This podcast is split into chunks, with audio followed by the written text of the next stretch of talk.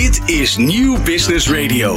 Wat kan jij leren van topondernemers? Welke kansen zien zij die jij nog niet ziet? De horeca, retail, e-commerce of welke branche dan ook. Dit is De Ondernemer Live met Jonathan van Noord. Yes, leuk dat je kijkt en luistert naar het tweede uur van De Ondernemer Live. Hoofdgast van vandaag is nog steeds Martijn Geerdink, oprichter van woonwinkel Huus. We gaan het hebben over de Fat 4, de bekende e-bike, maar ook over wortelen en over batterijen. Kortom, een propvolle uitzending deze tweede, dit tweede uur van De Ondernemer Live. Wat kan jij leren van topondernemers? Welke kansen zien zij die jij nog niet ziet? In de horeca, retail, e-commerce of welke branche dan ook. Elke ondernemer kent dezelfde uitdagingen.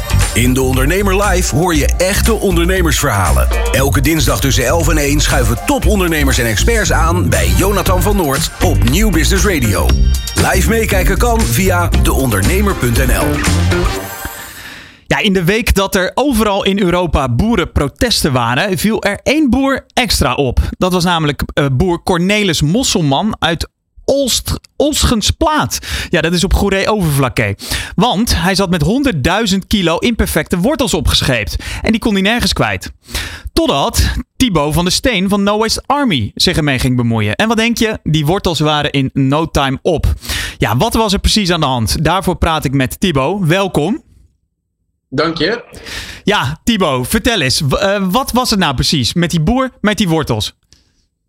Ja, we zijn halverwege in het probleem, dus het is bijna opgelost. Maar uh, wat, het, wat het probleem is, wij, wij strijden sinds juni met No Waste Army voor boeren zoals Cornelis. Die met een heel groot deel van hun oogst blijven zitten. Zoals deze 100.000 kilo wortelen. Ja, want vertel eens, waarom bleef hij met die oogst zitten? We hebben in Nederland, uh, wij noemen dat een verknipt voedselsysteem gecreëerd, waarbij we uh, hele strenge eisen stellen aan groente en fruit, die helemaal niks met kwaliteit te maken hebben, maar met kleur, vorm, gewicht. Oftewel, je moet als groente en fruit aan het perfecte plaatje voldoen om afgenomen te worden door de grote jongens. Dus dat betekent eigenlijk dat uh, boer Cornelis, een regeneratieve biologische boer, dus eigenlijk helemaal waar het naartoe moet met de teelt en met de boer, geen gif, instroken teeltelen. Uh, ja, geen gif betekent nog meer uh, natuur die gewoon zijn werk doet.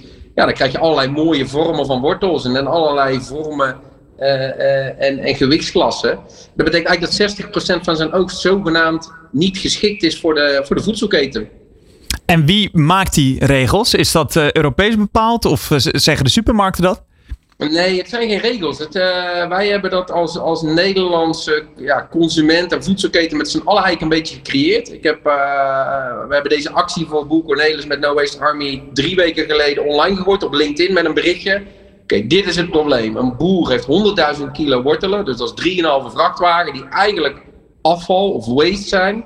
Terwijl ze zijn perfect om te eten. Nou, er ontstaat er een, een mega verontwaardiging van mensen die zeggen, huh, maar uh, er is eigenlijk niks mis met die wortels. Nee. En dat ontplofte op LinkedIn. Dus we hebben uh, met twee, drie berichtjes ongeveer 3 miljoen mensen bereikt. En heel veel verontwaardiging. Dus de consument wil wel. En je ziet dat heel veel Nederlanders uit het buitenland ook reageren. Uh, in andere landen in Europa. En die zeggen: hey, dit probleem is echt een Nederlands dingetje ook. Want bij mij in Portugal, of in Spanje, of in Oostenrijk, of in Griekenland. komt alles wat uit het land komt. zie ik ook terug in de supermarkten. Dus het is een een Nederlands ding wat we gecreëerd hebben, waarbij we alles een beetje maakbaar proberen te maken. Nog heel even over No Waste Army, uh, Thibaut. Uh, voor de mensen die jullie niet kennen, wat doen jullie precies? Ja, we, hebben, we zijn afgelopen juni live gegaan met No Waste Army. En wat doet No Waste Army? No Waste Army wil de voedselketen veranderen. Nou, dat klinkt heel nobel en heel groot. Uh, maar dat kan door een stukje bewustwording. Door het verhaal van deze wortel bij jullie te mogen vertellen. Op LinkedIn te kunnen vertellen. Um, en wat doen wij? Op het moment kopen wij een deel van die wortelen voor een eerlijke prijs. Dus de boer komt met een eerlijke prijs bij ons. Dan kopen we een deel. Dus wij hebben 10.000 van die 100.000 kilo kunnen kopen. Wij maken daar heerlijke houdbare producten van. Met unieke makers zoals sociale werkplaatsen. En dan brengen we die één keer per kwartaal in een abonnementsvorm, in een box, bij de mensen thuis. Uh, en dat is eigenlijk een boodschappenbox met producten maar dan met een goed verhaal. En een kwartaal lang vertellen wij jou op de social media kanalen van No Waste Army. door middel van mailings. de verhalen van onze Nederlandse boeren en telers. En de ja, verknipte voedselketen, zoals wij het noemen. Met als doel een verandering van die voedselketen. En hoe loopt dat? Ja, dat loopt best goed. Dus we zijn nu acht maanden onderweg en we hebben bijna 11.500 abonnees al uh, weten te vinden. En wat kost dat? Uh, 37,50 plus 5,95 verzendkosten. En dan heb je eigenlijk een doos vol met boodschappen, met producten zoals soepen, sauzen, pasta's, die je eigenlijk normaal misschien in een supermarkt koopt, maar nu bij ons met een goed verhaal. En uh, begrijp ik eruit dat de volgende box bomvol met wortelen zit, of valt dat mee?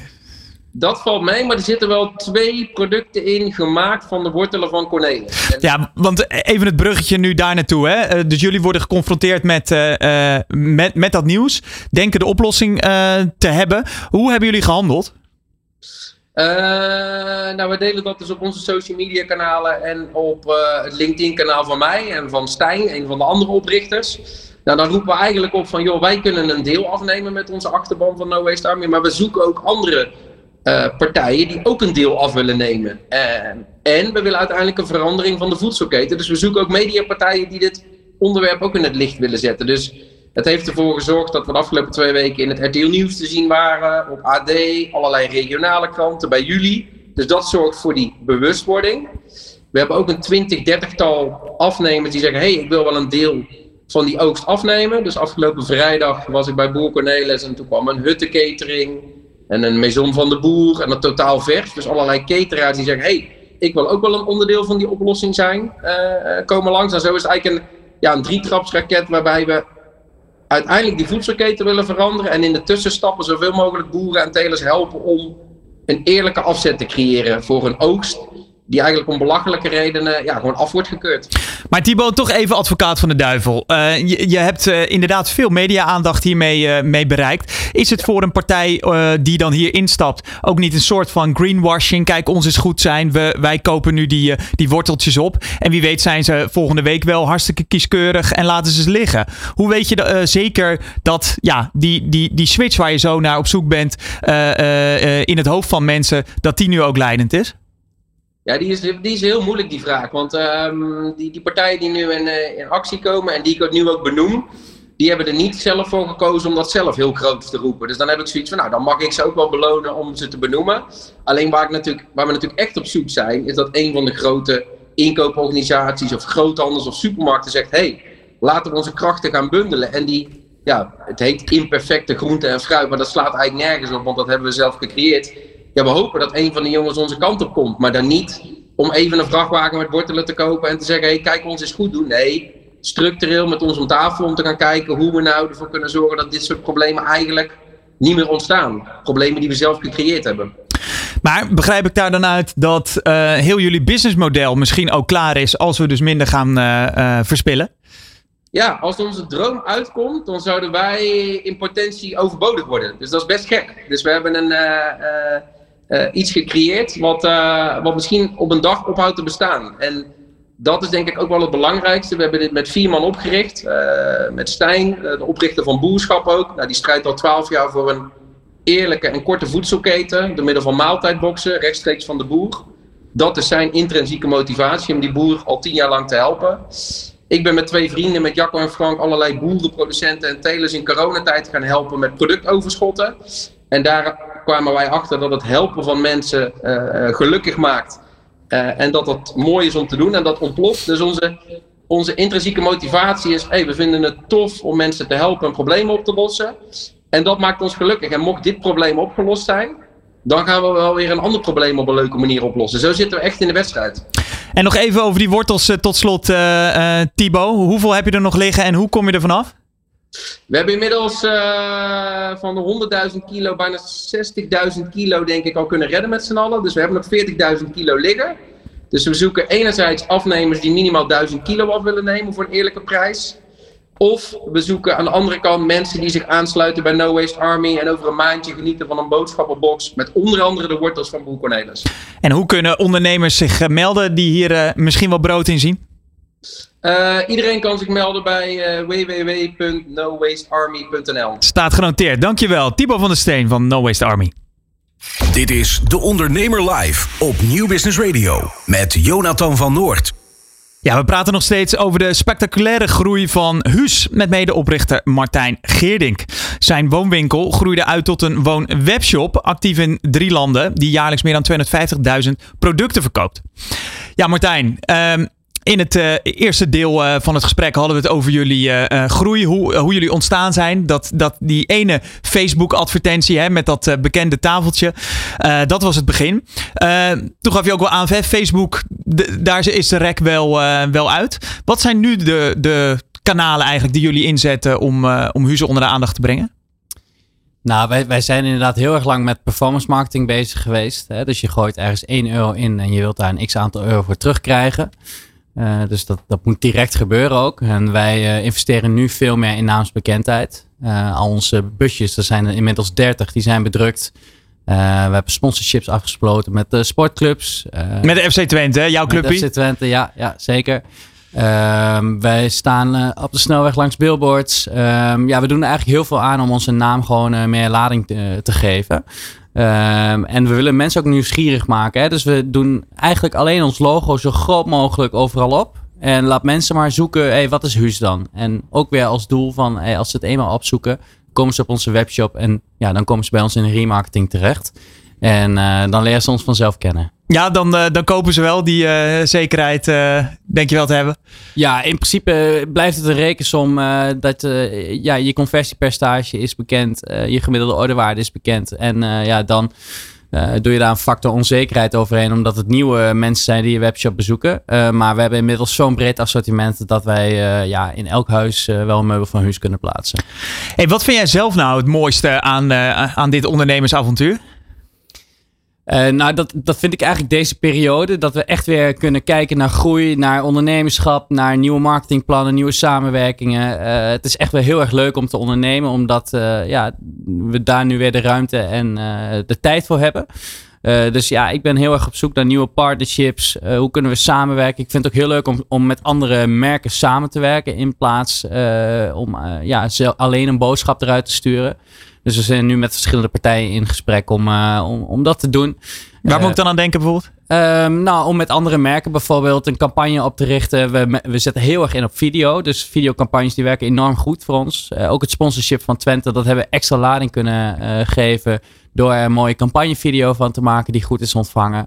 En uh, ja, ik denk als je, als je dat soort dingen opzoekt met bekende merken, dat je dan uh, ja, ook meer, meer waarde in de markt krijgt. En uh, ja, dat mensen ons nog sneller gaan vinden. Je vertelde dat uh, uh, een van jullie unique selling points dat is dat je uh, echt vanuit de producent kan leveren. En die ja. zit in jullie geval in India, in China. Dat is denk ik price-wise, dat het daar gewoon goedkoop is om te, om te produceren, vermoed ik zo. Ja, en wij doen veel in mangohout. En mangohout is eigenlijk alleen te krijgen in India. Is dat, ja, ik ben daar geen expert in. Is dat echt van de mangoboom, de, daar het hout van? Of? Ik ben daar ook geen expert in. het zal wel niet van de vrucht zijn. Nee, maar zonder gekheid uh, mangohout is alleen in, uh, in India uh, te verkrijgen. Dus ja, wij moeten daar ook wel naartoe. En zipmeubelen doen we voornamelijk in China. Dan ben ik toch benieuwd hoe je hè, ooit als, als kleine speler daar terecht bent gekomen. Nam, namen ze je serieus? Zodra je betaalt, nemen ze je serieus. het was best wel een risico, want we waren daar destijds zelf nog nooit geweest. Ehm, maar uh, de, mensen uit India die zijn er heel goed in om je via LinkedIn en via mail te benaderen. Dus wij kregen zoveel voorstellen van meubels die echt veel goedkoper waren dan uh, via onze tussenleveranciers. Dat we dachten, laten we die gok een keer nemen. Nou, daar zijn we ook een paar keer goed op de koffie van gekomen met uh, meubels die ja, bijna niet als meubel vervoerd werden.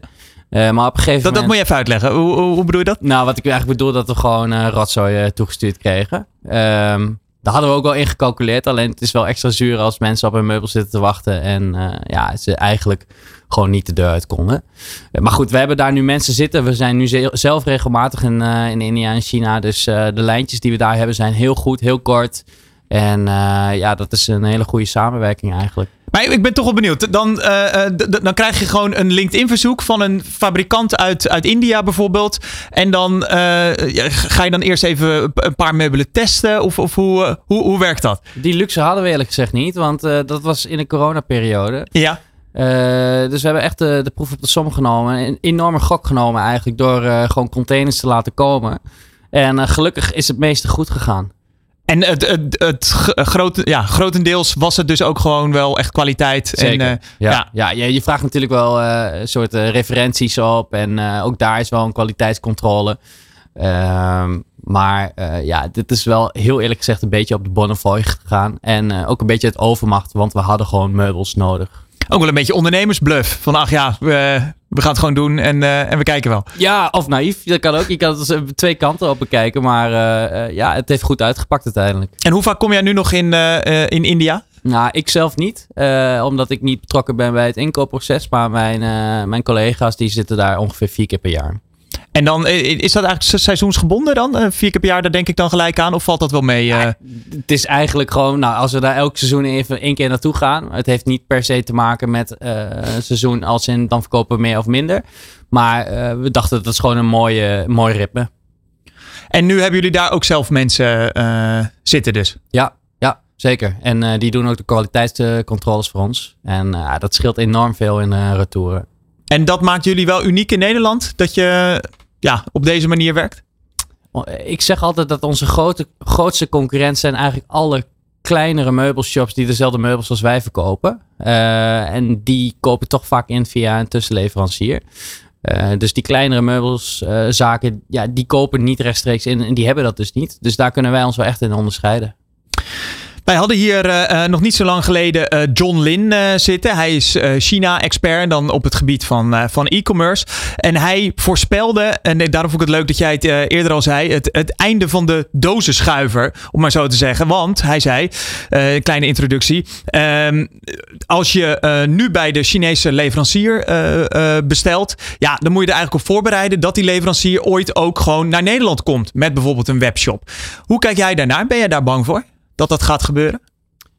In zoverre heb ik daar eigenlijk niet over nagedacht zoals hij dat heeft gezegd. Ik ben niet zo bang voor de toekomst, omdat we wat dat betreft altijd wel proberen zoveel mogelijk voorop te lopen qua nieuwigheden, qua ontwikkelingen.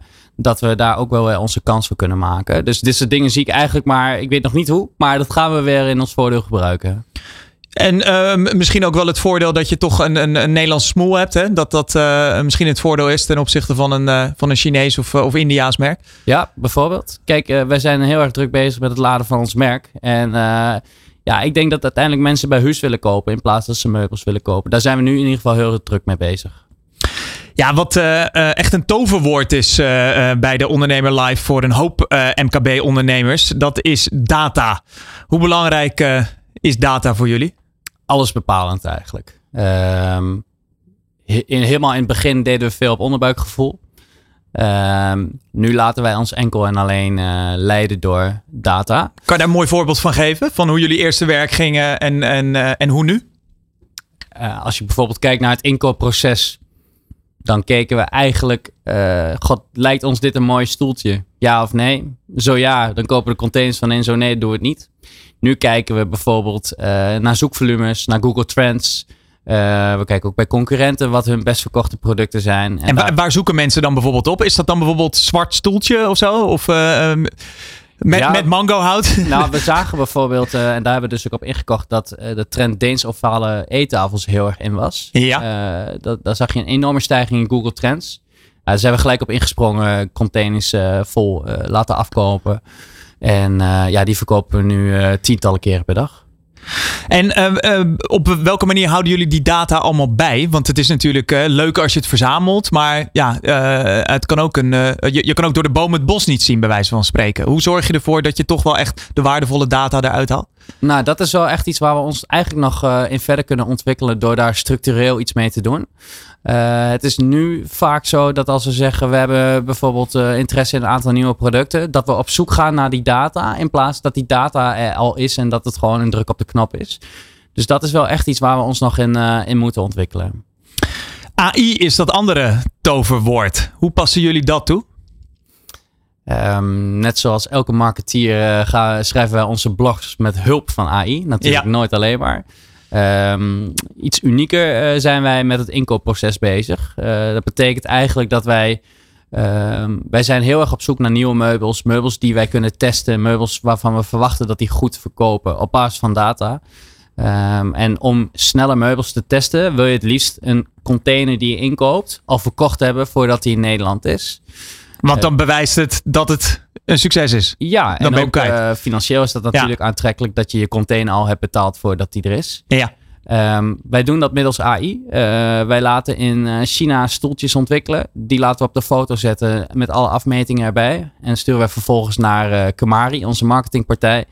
Eh, zij zetten eh, die foto om in een render in onze huisstijl. Dus in onze woon- en sfeerkamers. E- Even voor, voor de kijkende, ja, de kijkende luisteraar. Voor de kijkers, die kunnen nu de, zo'n render zien. Dus die hebben dan een beeld bij van hoe, je, hoe dat eruit ziet. Dat had je opgestuurd. Dus die kunnen dat nu zien. Ja, en, en je ziet ook eigenlijk bijna... Als je het weet, dan zie je het misschien. Maar de consument ziet niet dat dit een render is in plaats van een foto. En een render, even voor de mensen die op dat gebied niet bekend zijn. Dat is een soort animatie, hè? Ja, eigenlijk een ge- ge- computer geanimeerde foto. Ehm, dus ja, in dit voorbeeld eh, hadden we destijds eh, deze stoel nog nooit in het echt gezien. Eh, die hebben we laten renderen. En op het moment dat die de zee op ging vanuit China, hebben wij de- de render online gezet. En dezelfde dag worden de stoelen verkocht, omdat we gewoon een supergoeie prijs hebben. En ehm, ja, de container was er nog niet eens en, en hij was al uitverkocht. En als je dan toch dat eh, even voor de, voor de luisterende eh, en kijkende ondernemers eh, qua kostenplaatje. Wat kost zo'n zo- zo- zoiets innovatiefs dan? En wat levert het je uiteindelijk op? Nou, in, in principe heb je, heb je na een week die kosten wel weer terugverdiend. Dat is best een grote kostenpost eigenlijk. want hè, we maken niet alleen een render, maar ook een hele eh, 3D-animatie. Zodat je hem via een QR-code ook met je mobiel in huis kan zetten. Wat ons retourpercentage weer verlaagt. Dus het zijn best wel kostbare eh, dingen. Ik heb de prijs even niet paraat, maar...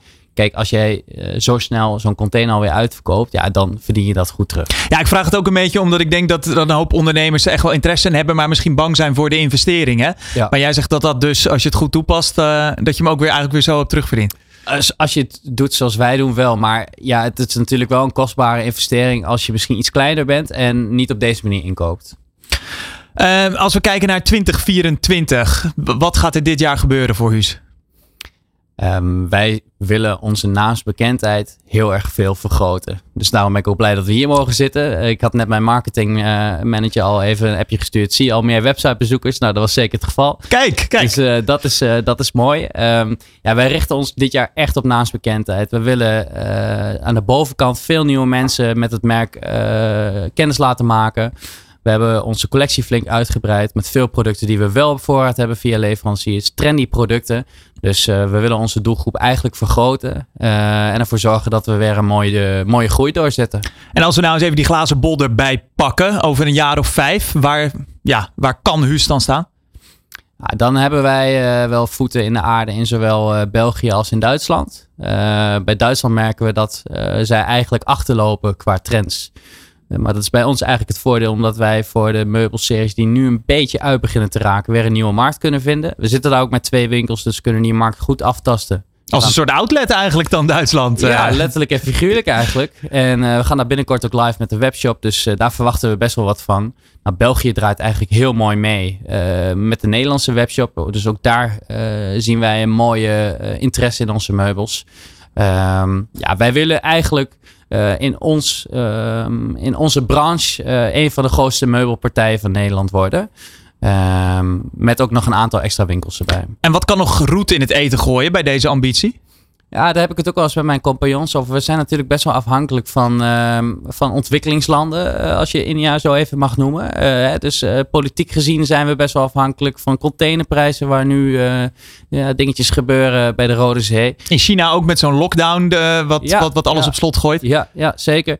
Dus ja, vooral politieke dingen zijn best wel ehm, ja, belangrijk dat dat een beetje voor ons eh, goed valt, zeg maar. Hè, nu zijn er aanvallen op die containerschepen, waardoor ze om moeten rijden, waardoor, of om moeten varen, Ja. waardoor eh, ja, wij gewoon extra containerkosten Tien moeten dagen betalen. extra eh, hoorde ik laatst dat dat het al, al kost. Ja, ja, ja zeker. En, en die, die tien dagen, daar calculeren we altijd wel mee qua marge. Maar die extra kosten, die doen meer pijn. Ja, dat kan ik me goed voorstellen. Had je dat verwacht eigenlijk toen je begon uh, uh, ja, in Twente? Dat je het over de politiek uh, rond het Suezkanaal, dat, dat dat je grootste zorg voor de toekomst zou moeten zijn? Nee, want toen ik net begon dacht ik, als ik een beetje hetzelfde ga verdienen als wat ik deed bij mijn werkgever en ik kan nu zelf mijn tijden indelen, zou ik het wel leuk vinden. Dus alles wat we nu doen, dat had ik vroeger niet verwacht. Kijk, dan wil ik zo eindigen. Dankjewel, Martijn Geerding van Huus. Dit is De Ondernemer Live op Nieuw Business Radio met Jonathan van Noord. Ja, vorig jaar besloten verzekeraars om te stoppen met het verzekeren van fatbikes tegen diefstal. Ja, de e-bikes met de dikke banden, ik denk dat iedereen ze wel, uh, wel kent, die waren zo populair voor dieven dat verzekeraars er geen hel meer in zagen. Het werd simpelweg te duur. Ja, het Nederlandse merk Fat4 van die dikke banden e-bikes, ja, die bedacht een oplossing. Hoog tijd dus weer om bij te praten met oprichter Pieter van Beuzenkom. Pieter, welkom. Dankjewel. Ja, heel even voor de mensen die, uh, die Fat 4 uh, uh, niet kennen. Ja, ik zie ze ongeveer dagelijks eh, rondrijden, maar ik woon in het westen van het land. Ik weet niet hoe dat in de rest van Nederland zit. Wie zijn jullie? Wij zijn eh, een bedrijf die fatbikes maakt, e-bikes in Nederland. Wij maken de fiets helemaal zelf. Dus de frames komen uit Nederland, heel veel onderdelen komen uit Nederland, Europa. Assemblage doen we hier. Dat doen we nu zo'n vijf jaar in een, in een groeiende markt. Een segment dat heel hard groeit. Um, en eigenlijk bieden we daar ook een oplossing in die, die heel veel mensen weer van A naar B brengt. Wat eigenlijk de, de vervanger is van de brommer en de scooter. En ook wel een stukje van de bakfiets. Dus een, een werkpaard voor het gezin. Zo willen wij hem in de markt zetten. Kijk, kijk, kijk, kijk. Gelikte term. Ja, dat, uh, ja, maar zo zien we het ook wel echt. Dus je kan je kinderen meenemen, boodschappen. Um, je fiets stevig. Je hebt een solide apparaat. Je kan goed remmen. Uh, je komt niet in de tramrails. Uh, dat was een van onze unique selling points in het begin in Amsterdam. Maar dat is wel echt iets. Met die dikke banden heb je gewoon meer grip en meer stabiliteit. Dus uh, ook voor ouderen zou het een oplossing kunnen zijn richting de toekomst. En het is een populaire markt, hè? Ja, ja, ja, het is een hele populaire markt geworden. waaronder ook voor jongeren, waar je dus de verschuiving ziet van de scooters en de brommers. dat je toch wel iets unieks hebt op het schoolplein. Um, en daarbij ook wel diverse toetreders die, uh, ja, die wat goedkoper zijn, wat toegankelijker zijn. Dus um, ja, met een heel breed segment groeit dat nu heel hard. Wat uh, daarmee ook uh, ja, voor dievergilden wel uh, interessant is geworden. Ja, daarover straks meer. Nog heel even over die spectaculaire groei. Het valt mij op dat het, en helemaal hier, we zitten in, in Hilversum, hier in het gooien, ja. daar rijden er heel veel rond. Dat het een beetje gezien wordt. Hè, vroeger had je misschien op je zestiende een brommer of een scooter. Ja. Nu moet je een, een rijbewijs daarvoor voor halen. Dat was vroeger natuurlijk ook wel. Maar nu moet je zelfs met, met praktijklessen en zo. Hè, eigenlijk best wel ja, een, een hoop gedoe wil je op zo'n ding zitten. Ja. En nu kan je eigenlijk met bijvoorbeeld de Fat 4 of de andere fatbike, ja, hoef je dat in ieder geval niet. Nee, nee, want het is gewoon een e-bike. En mits die helemaal volgens de Europese wet en regelgeving in de markt is gezet en verkocht wordt. En, en dus niet harder gaat dan 25 km per uur met een 250 watt motor. Uh, is het natuurlijk ook een hele op, mooie oplossing. En heb je toch iets stoerders dan die oude opa en oma fiets. Uh, die je anders zou hebben op weg naar school.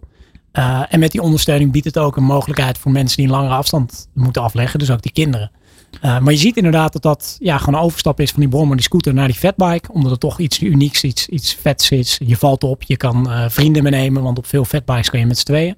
Dus daar zie je inderdaad een uh, ja, verschuiving in op het schoolplein. Inderdaad. En als we daar nou eens getallen aan koppelen, Pieter, kan je iets zeggen over de groei van die markt, van jullie bijvoorbeeld ook? Het is best moeilijk omdat de markt nog vrij jong is. Uh, wij zien in ieder geval wel een uh, explosieve groei uh, binnen ons eigen bedrijf van 200% tot 300% per jaar. dus dat, ja, dat, dat is gewoon heel erg groot. En je ziet ook steeds. Over welke aantallen hebben we het dan qua verkoopaantallen? Uh, nou ja, we zitten nu op uh, duizenden per jaar. Dus dat, dat, dat groeit gewoon heel erg hard. Uh, aankomend jaar vinden we nog lastig met de prognoses. Zeker door de huidige ontwikkelingen.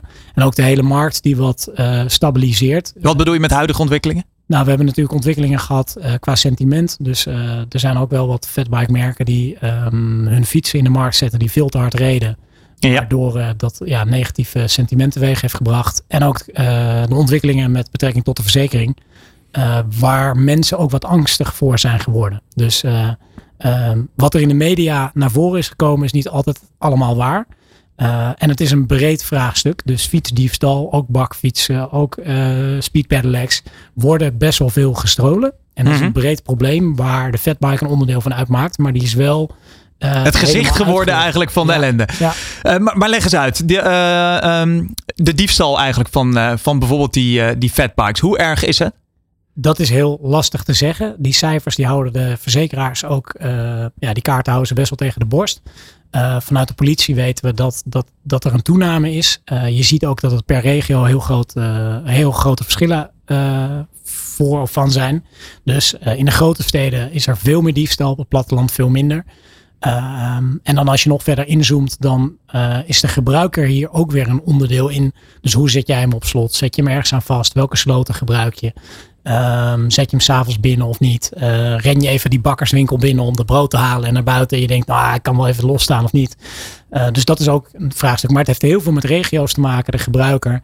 Um, ja, en ook wel welke fiets je hebt. wij hebben een wat duurder segment. Dus ja, daar kan je op de tweedehandsmarkt natuurlijk ook meer mee verdienen als je me stilt. En dan nog even over die verzekeraars. Want wat hadden zij nou precies besloten vorig jaar?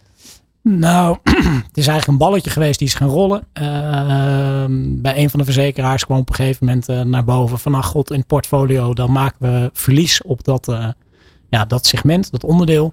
Dus die gaan we uit het portfolio halen. Eh, dat is best wel groot in de media opgepakt. daarvan zijn cijfers niet allemaal ook letterlijk goed overgenomen in de persberichten. Dus dat werd een soort domino effect. Andere verzekeraars gingen daar mee. Nou, je kan je ook wel begrijpen als er meerdere verzekeraars zijn. Jij blijft als laatste over. Dan krijg je alles op je dak. Dus iedereen stopt op een gegeven moment. Um, en dan is het natuurlijk ook heel erg lastig om als eerste weer um, ja, je boeken open te gaan stellen. Om uh, dat product in je portfolio op te nemen. Uh, ja, wij zijn heel blij dat het ons is gelukt om dat als eerste met een uh, bekende verzekeraar voor elkaar te krijgen. Want vertel eens, wat is jullie oplossing? Nou, wij zijn al langer bezig om onze producten steeds veiliger te maken. Dus um, hoe ze fietsen, maar ook in de diefstal omdat wij geloven in uh, ja, een langer, uh, langer gebruik van je product. Het, het, je zou het als een verdienmodel kunnen zien. Van een fiets wordt gestolen, je kan hem nog een tweede keer verkopen. Uh, maar zoals ik al vaker zeg, wij vinden duurzaamheid ook heel belangrijk. Dus de productie van een fiets aan zich is gewoon niet duurzaam. Daar gaan grondstoffen in, daar gaat tijd in. Dus wij willen dat niet.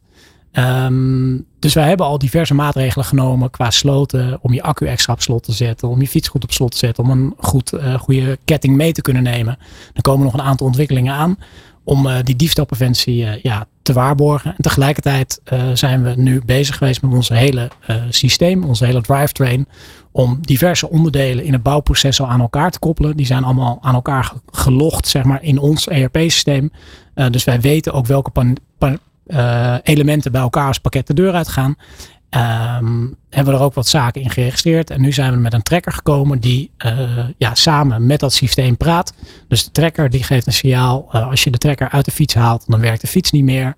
met die tracker kan je de fiets volgen. Je kan hem laten opsporen. Um, en er zitten nog wat vernuftigheden achter die het eigenlijk een, een, een, palet aan maatregelen maken die diefstal steeds minder ja, aantrekkelijk maken. Ja. Uh, en uh, begrijp ik daar bijvoorbeeld ook uit, wat, wat, je nog wel eens hoort, dat bijvoorbeeld de accu uh, wordt gestolen. Ja. Um, dat die dan niet op een, een, een, andere vet voor fiets werkt bijvoorbeeld? Dat hebben wij nog niet gedaan. Wat wel zo is, onze accu's kan je niet in andere fietsen gebruiken en vice versa. dan werken niet alle functionaliteiten en kunnen wij ook niet de garantie waarborgen. Um, daar gaan we wel naartoe. Dus dat is eigenlijk wat je in de automotive nu al ziet. Dat je bijvoorbeeld als je een koplamp van een auto, uh, ja. van een andere auto erin zet, dan werkt die niet, omdat die chip niet daar aan dat product gekoppeld is. Nou, wij zijn dat ook aan het verkennen, maar dat is best wel complex en moeilijk. Tegelijkertijd moet je dat ook in je hele keten doorvoeren. Dus ook bij je dealers, die moeten daar toegang toe hebben. Um, maar het is zeker iets wat bij ons op de agenda staat om dat te doen. Wat wij nu hebben gedaan, is dat je je accu met twee sloten op slot kan zetten. Uh, dat scheelt al heel erg. Want inderdaad, een accu is um, het meest waardevolle onderdeel van die fiets. Er uh, zitten ook waardevolle grondstoffen in. Het wordt ook steeds interessant om die te recyclen en, en hem daarom te stelen. Um, dus ja, wij hebben het nu met twee sloten opgelost.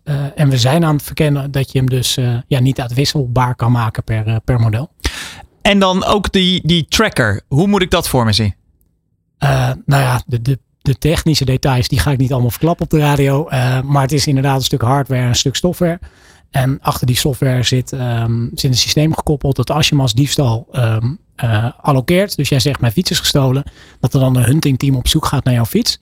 Uh, dan zie je hem zelf niet meer, want je wil eigenlijk niet dat uh, zowel het huntingteam, de politie als jij zelf uh, ergens aankomen en dat burger in conflict raakt met een, met een potentiële dief. Um, ja, en dan kan zo de fiets worden opgespoord en hopelijk ook ja, de dief worden gepakt. En dat huntingteam, is dat van jullie? Hebben jullie een interne recherchebureautje? Nee, nee, hebben wij niet. Dat zou ook best wel een, een, een, grote groep mensen moeten zijn om dat helemaal landelijk te dekken. Nee, wij werken samen met G4S. Dat is een beveiligingsbedrijf wat, wat veel mensen wel kennen. Die ook kantoorpanden, huizen, personen beveiligen.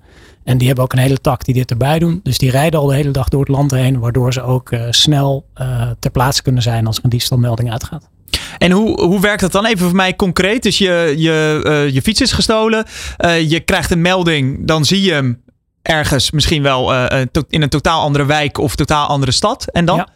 Ja. Um, nou, je krijgt zelf een melding, kan je aanzetten als die verplaatst wordt. Ja. Dus dan ga je op je app kijken. Stel je zit in een café, dan hè, ping, waarom verplaatst die? Nou, dan kun je dat nou natuurlijk al volgen. Je kan naar buiten lopen. Nou, misschien heeft iemand hem 100 meter verplaatst als joke. Ja. Ik heb geen idee.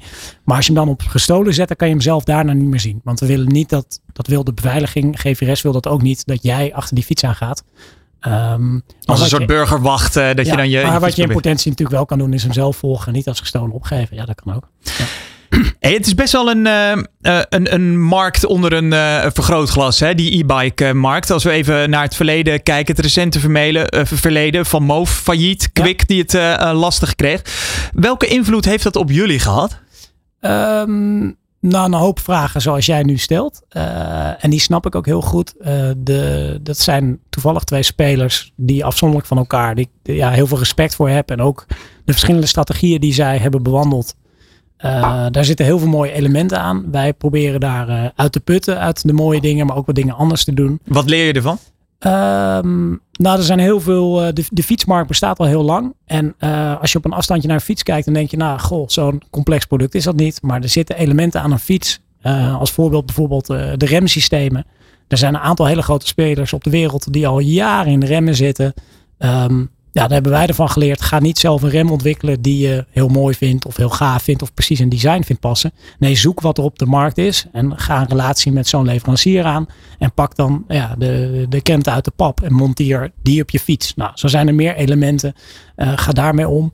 Ook je portfolio maakt dat niet al te groot. Uh, je wil altijd garantie kunnen leveren. Je wil spareparts kunnen leveren. Je wil accessoires kunnen leveren. Als je dat niet doet, ja, dan heb je mensen die minder tevreden zijn. Dus dat leren ervan. En verder zie je dat uh, online verkopen. Je ziet dat als trend uh, op heel veel facetten. Dus met matrassen, met auto's, maar ook met fietsen. Ehm, mensen zijn vanuit de opvoeding en ja, eigenlijk ook vanuit de samenleving gewoon gewend. jij kan met je fiets naar elke fietsenmaker toe. Dus je hebt een dealernetwerk nodig. Nou, een dealer wil aan jouw fiets werken als hij de fiets begrijpt. Dus daar moet je ook aan werken. Uh, dus dat zijn allemaal van die elementen waar je dan mee bezig bent om uh, ja, de, het beste recept van te maken als, als business. En wat wij nu doen, en dat maakt ons wel uniek, dat we ze dus helemaal in Nederland maken, waardoor we heel dicht op het product zitten, heel snel kunnen schakelen, uh, duurzamer maakt. En, en dat is denk ik ook wel, wel best vernieuwend voor ons segment. Er worden meerdere fietsen in Nederland gemaakt, al zien we daar ook wat verschuivingen nu in. Um, ja, en daarbovenop komt het dat de fietsenmarkt, dus wat jij net zei, eh, twee grote spelers die om zijn gevallen. De fietsenmarkt staat best wel onder druk. In coronatijd wilde iedereen gaan fietsen. Uh, dat was het enige wat je eigenlijk kon gaan doen. Je kon gaan mountainbiken, wielrennen, maar ook op je stadsfiets uh, lekker over de hei. Dus heel veel mensen zijn gaan shoppen. Heel veel mensen kregen op verschillende, bij verschillende dealers nee. Van ik heb die fiets niet. Dealers zijn allemaal heel groot gaan inkopen. Uh, de toeleveranciers zijn heel groot gaan inkopen. En die zitten nu met al die fietsen. Dus we hebben nu hele grote voorraden in het land.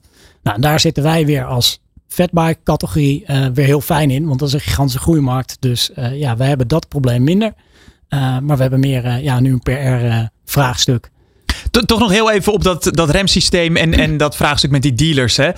dat klinkt voor mij wel echt alsof je heel goed naar de casus van Moof hebt gekeken. Want zij waren, uh, hebben de, alles in-house ongeveer maken. Ja. En ook met hele specifieke uh, fietsenmakers aan het werk. Ja. waardoor je dus die lange rijen kreeg. En eigenlijk kon je er bij niemand meer terecht. En ontstonden er soms wel weken dat je op je fiets moest wachten. Ja. Heb je daar echt wel, terwijl dat allemaal escaleerde, wel echt met een, met een pennetje in de hand het zitten opschrijven van wat is daar... Nou, zorg in detail niet. Maar wat ik vijf jaar geleden zelf heb gedaan is drie drie fietsenzaken ingegaan. En ik heb gevraagd, want Van Moof, dat, was, dat kwam zo hard op en dat ging zo hard. En toen heb ik gevraagd van, goh, ik wil een Van Moof kopen.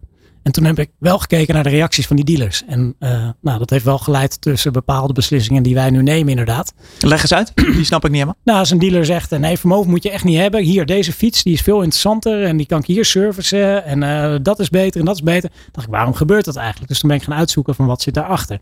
Dat is inderdaad omdat toen uh, Van Moof meer uh, alle dealers eruit sneed. Uh, alles in Amsterdam zelf wilde servicen.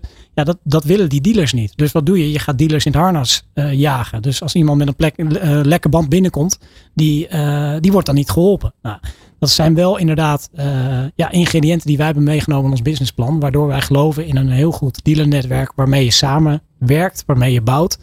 Um, en inderdaad kijken we dan wel naar een casus zoals Vermoof.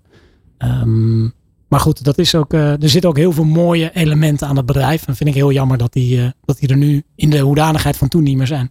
Als we even naar jullie uh, toekomst kijken, waar richt je je dit jaar vooral op? Wij richten ons dit jaar op een stabilisatie van de Nederlandse markt. dus dat kan groei zijn. maar we willen juist weer heel veel klanten heel tevreden maken, nog steeds maken.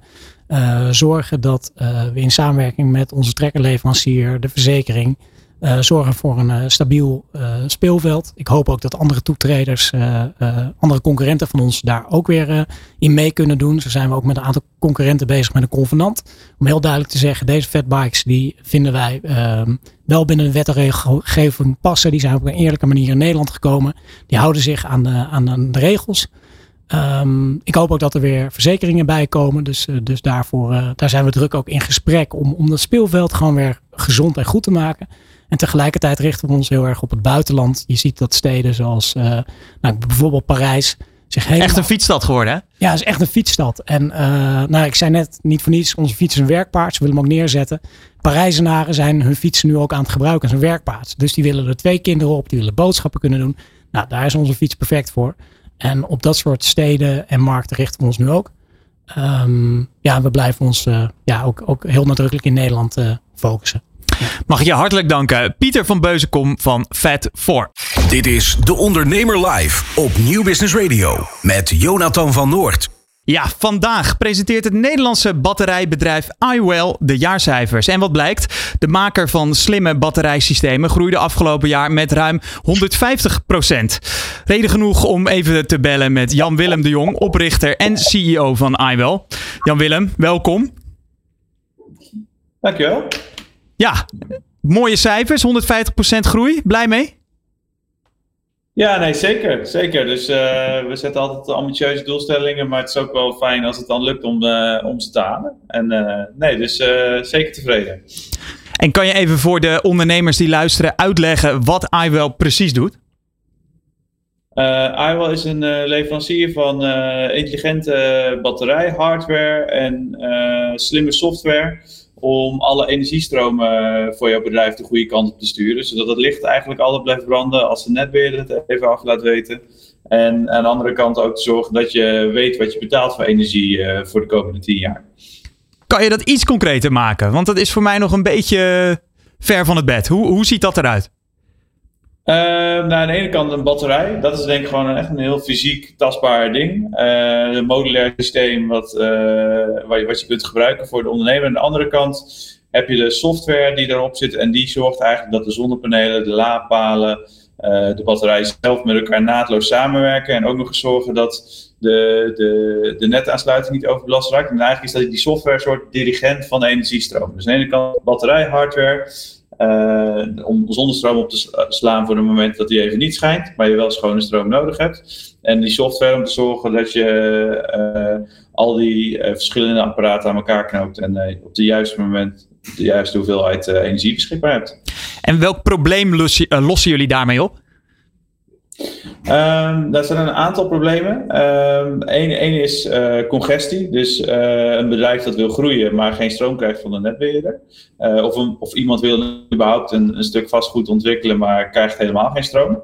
Dus dat is een hele belangrijke, want dan kun je het meer lokaal opwekken en ook lokaal, lokaal gebruiken. En de andere is ook van ja, we werken ook veel voor transporteurs, zoals uh, Oegema en Van Wijk. En wat, wat die ook zagen, ze wat, ga ik nou betalen over, uh, voor energie de komende tien jaar? En we hebben vorig jaar allemaal gezien hoe heftig dat uit de hand kan lopen, wat je voor een kilowattuur betaalt. En voor transporteurs waar de marges dun zijn, is dat van levensbelang. Ehm, dus ja, om, zo kunnen zij de omslag maken van, van liters naar kilowattuur eigenlijk, zeggen ze zelf. Om even bij dat laatste punt te beginnen. Kan je dat concreet maken? Hoe kunnen jullie ervoor zorgen dat je niet te veel betaalt? Uh, nou, aan de ene kant, een deel van de uh, energie kun je gewoon omslaan naar, oké, wat heb ik geïnvesteerd in mijn hardware? Dus in laadpalen, in zonnepanelen, in de batterij. En wat heb ik aan uh, vaste lasten om dat allemaal draaiende te houden? Nou, als je dat, die spullen voor 10 jaar dan kun je dus ook omrekenen wat je, die, uh, wat je per kilowattuur uh, gaat betalen voor die 10 jaar. Dus dat is aan de ene kant. Hè? Dus je, doordat je weet wat je investeert, weet je ook wat het kost om die kilowattuur te produceren. En daarmee creëer je zekerheid. En de andere is juist een beetje tegenovergesteld daarvan. De batterijen zijn bij uitstek heel geschikt om in te spelen op onverwachte prijsopmerkingen. Uh, heel, heel simpel, overdag als de zon schijnt is stroom vaak heel goedkoop. Als s'avonds iedereen thuis komt en zijn auto in, in de lader stopt, dan is stroom heel duur. Nou, je slaat het op op het goedkope moment en je gebruikt het als het duur is en dan ontlaat je de batterij weer. En merken jullie dat daar nu vanuit ondernemers steeds meer vraag naar is? Dat, dat, die ja, zich bewuster worden van ja, wanneer stroom goedkoper is?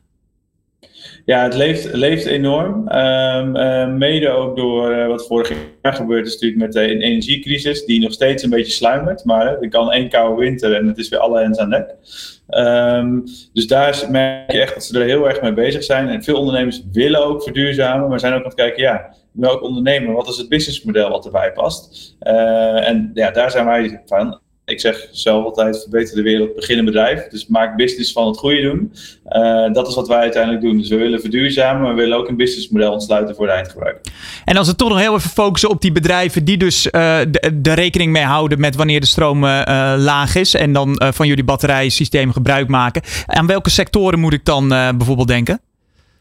Uh, transporteurs, zoals ik al noemde, uh, logistiek vastgoedontwikkelaars uh, zie je ook heel veel. hier heb je heel aandacht voor. En dus ja, in de algemene zin de succesvolle ondernemer. Eigenlijk iedereen met een groot dak waar je zonnepanelen op kunt leggen en die relatief veel energie verbruikt. En dan over die netcongestie, want daar hebben we het ook bij de ondernemer live vaak genoeg uh, over gehad. Het begint echt een probleem te worden. Hè? Als je wil uitbreiden en je bent grootverbruiker, dan kan je het net niet op. Of er uh, aan de andere kant, er wordt te veel stroom opgewekt en dat kan weer niet uh, het net op. hoe kunnen jullie daar dan bij helpen? Nou, aan de ene kant helpen wij uh, door die. Uh, vaak als je heel veel zonnepanelen hebt, heb je op bepaalde momenten een overschot aan stroom. Nou, dat slaan we op voor het moment dat je juist iets tekort komt. Hè, als de zon niet schijnt. Of, uh, dus dat, dat is één kant. Um, en aan de andere kant, waar het ook mee helpt, is dat je. Ehm, ja, we, we, kunnen die batterij ook als een soort uh, stortbak gebruiken, waarbij die als op piekmomenten even heel veel stroom levert, of juist heel veel stroom opslaat, afhankelijk van welke kant de piek op gaat. En daarmee kun je eigenlijk uh, zorgen dat je een minder dikke kabel naar het net hebt. Op piekmomenten gebruik je die batterij en heb je dus niet een hele grote kabel van de netbeheer nodig. En daarmee uh, loop je dus eigenlijk voor op de troepen die misschien nu nog wachten tot de politieke actie onderneemt hè, met het verzwaren van al die kabels. Klopt, klopt. Nee, absoluut. Dus die, we zijn eigenlijk een soort. Uh, we helpen eigenlijk ondernemers om hun eigen microgrid te maken, microgrid. En uh, ja, door meer zelf te investeren en grip te krijgen op je energierekening. Uh, en überhaupt zorgen dat je stroom krijgt. Hè? Want stroom, iedereen denkt dat het altijd maar gewoon uit het stopcontact komt. Maar iedere vorm van welvaart, of je nou in een radiostudio zit of uh, bij een bedrijf of op een kantoor. Zonder stroom is het er niet. Snap je? Dus dit is zo fundamenteel en ondernemers zien dat ook in. En wij helpen dus om in die fundamentele primaire levensbehoeften, zou je kunnen zeggen, te voorzien. En daar meer grip op te hebben, wat het kost en uh, wanneer het beschikbaar is. Maar goed, uh, Jan-Willem, dan klinkt het eigenlijk alsof dat hele probleem van netcongestie opgelost is. We gooien een batterij van jullie ernaast en klaar is Kees. Is het zo makkelijk?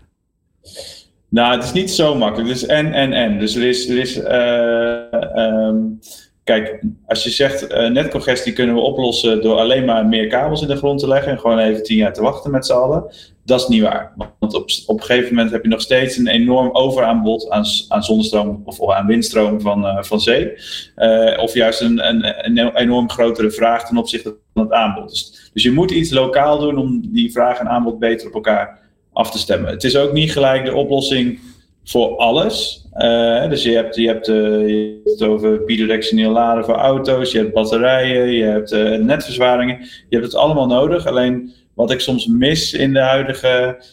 Iedereen die, die schreeuwt moord en brand over netcongestie. En dat is ook een heel groot probleem. Alleen uh, ja, als je alleen maar kijkt naar hoe kunnen we de netten verzwaren, want dat doen netbeheerders, hè, netten beheren, uh, iets in de name, ja, dan ga je ook meer van hetzelfde krijgen waar, wat ons ook in deze situatie uh, gebracht heeft. En ja, ik geloof dus wel veel meer van hoe kun je netcongestie ook een verdienmodel van maken voor de eindgebruiker. ja, dat klinkt misschien utopisch, maar het is eigenlijk heel simpel. Als je het lokaal opwekt lokaal opslaat en ook lokaal verbruikt, ja, dan heb je dus veel minder dat net nodig. En en passant dus je daar, los je daar dus ook voor een deel die netcongestie mee. Ja, want Jan Willem, even uh, uh, wat, wat meer in Jip Janneke taal. Dan wil je eigenlijk zeggen, als je nu alleen je focust op het uh, verdikken van die kabels, dan krijg je er, omdat we steeds meer energie ook gebruiken, krijg je er over tien jaar bij wijze van spreken weer last van. Er moet iets, ja, er moet een soort mindsetverandering ook, ook ontstaan. Klopt, klopt. Dus je hebt, je hebt structureel iets nodig waarbij je meer loop lokale energiesystemen gaat krijgen. Niet volledig off-grid, want eh, soms is het ook heel nuttig om die wind van zee eh, te kunnen gebruiken.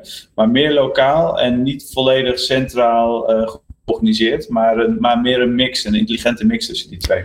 Ja, en dat zag je dus ook wel uit de cijfers bij jullie, hè? 150% gegroeid. Waar is die groei vooral gerealiseerd?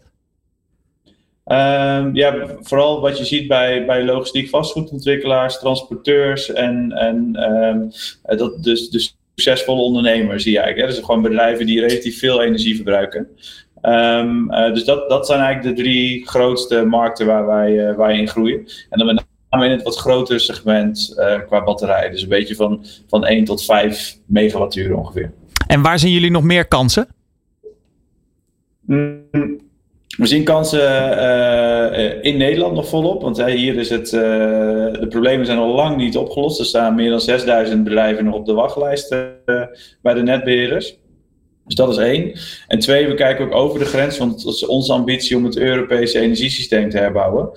zodat we als continent gewoon minder afhankelijk worden van buitenlandse mogelijkheden en veel meer grip op onze eigen duurzame energievoorziening hebben. Dus we kijken ook naar Duitsland, UK, Italië, Spanje. Um, en we hebben in, als Nederland een hele mooie uitgangspositie om, om, om daar een grote rol in te spelen. Uh, en dat heeft eigenlijk vooral te maken met dat we uh, voorop lopen als het gaat om verduurzaming met bijvoorbeeld zon en wind. Uh, als je kijkt per inwoner wat we hier opwekken aan zon, daar zijn we de nummer één in de wereld. in 2016 waren we nog het slechtste jongetje van de klas. ja, stonden we helemaal achteraan, hè? naast Malta. Um, nou, hetzelfde geldt voor elektrische mobiliteit. Uh, dat is ook een enorme vlucht heeft dat genomen, maar dus ook de problemen die dat met zich meebrengt, lopen wij ook in voorop.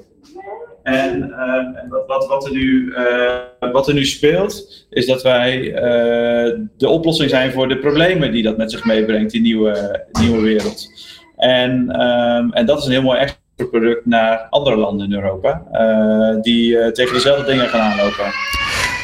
Kijk, we gaan jullie uh, in de gaten houden. Dankjewel. Uh, Jan-Willem de Jong, oprichter en CEO van iWell. Je luistert naar De Ondernemer Live. Elke dinsdag live van 11 tot 1 met Jonathan van Noord op Nieuw Business Radio. Dat was hem alweer. Een enerverend tweede uur van De Ondernemer Live. Dankjewel voor het kijken en luisteren. Volgende week zijn we terug om 11 uur op dinsdag bij De Ondernemer Live. Wat kan jij leren van topondernemers? Welke kansen zien zij die jij nog niet ziet? In de horeca, retail, e-commerce of welke branche dan ook. Elke ondernemer kent dezelfde uitdagingen. In de Ondernemer Live hoor je echte ondernemersverhalen. Elke dinsdag tussen 11 en 1 schuiven topondernemers en experts aan bij Jonathan van Noord op Nieuw Business Radio. Live meekijken kan via deondernemer.nl.